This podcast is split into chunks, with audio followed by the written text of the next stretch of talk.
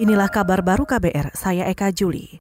Saudara indeks harga saham gabungan atau IHSG pada hari ini dibuka melemah 0,02 persen. Selengkapnya disampaikan jurnalis KBR Astri Septiani langsung dari Gedung Bursa Efek Indonesia, Jakarta. Indeks harga saham gabungan atau IHSG pada hari ini Rabu 18 Desember 2019 dibuka melemah 0,02 persen atau 1,03 poin ke level 6.243,319 pada pembukaan perdagangan hari ini. Sebelumnya IHSG pada Selasa kemarin ditutup menguat 0,53 persen atau 32,76 poin ke level 6.244,35. Sepanjang perdagangan kemarin, IHSG bergerak pada kisaran 6.205,63 hingga 6.244,35. Pergerakan IHSG dalam perdagangan hari ini diprediksi juga masih bakal mengalami penguatan. Sementara itu, saudara nilai tukar rupiah terdepresiasi tipis 3 poin atau 0,02 persen di level 14.000 rupiah per dolar Amerika Serikat pada perdagangan hari ini. Setelah sebelumnya, berdasarkan data Bloomberg, Rupiah ditutup di level 13.996,5 rupiah per dolar Amerika Serikat, menguat 0,1 persen atau naik 13,5 poin pada Selasa kemarin. Rupiah diprediksi juga masih berpeluang menguat tipis pada perdagangan hari ini. Demikian yang dapat saya laporkan dari Bursa Efek Indonesia, Astri Septiani untuk KBR. Saudara Presiden Joko Widodo meminta pengusaha pertambangan, terutama di kawasan Ibu Kota Baru di Kalimantan Timur, segera mereklamasi setiap bekas galian tambang.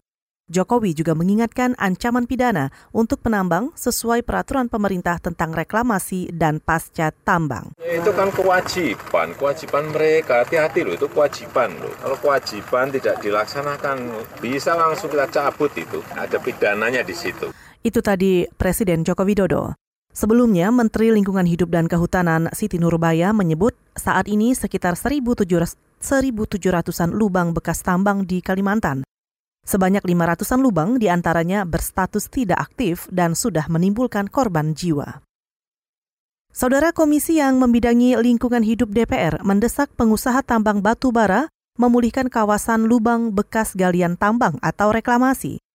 Menurut anggota Komisi Bidang Lingkungan Hidup DPR, Kurtubi, pemerintah daerah tidak dapat mengendalikan izin usaha pertambangan karena kerap mengobral izin. Ini yang belum ada secara tegas kita lihat, baik oleh bupati yang sudah mengeluarkan izin begitu besar, begitu banyak, ya, apalagi sering dijadikan sumber pendapatan itu, ya, sehingga pemerintah pusat memutuskan, udah jangan lagi kasih kewenangan bupati-bupati ini, ditarik ke provinsi, kemenangan memberikan IUP ke tangan gubernur. Anggota Komisi Bidang Lingkungan Hidup DPR Kurtubi juga meminta pemerintah menuntut pengusaha agar mereklamasi lubang bekas galian tambang.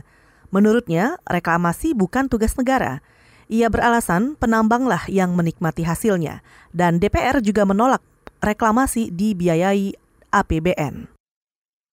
Cabang olahraga polo air mulai dilirik dan diminati oleh publik setelah berhasil mencetak sejarah dengan meraih medali emas pada ajang SEA Games 2019.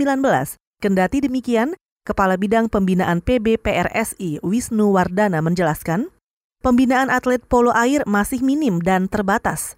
Kondisi itu menurutnya bukan disebabkan krisis atlet polo air, namun cenderung karena perbedaan prioritas cabang olahraga di setiap provinsi serta pembinaan yang masih lamban. Berkat momen emas SEA Games 2019, PB PRSI berencana akan mengadakan Liga Polo Air antar pelajar, antar klub, dan antar mahasiswa pada awal 2020.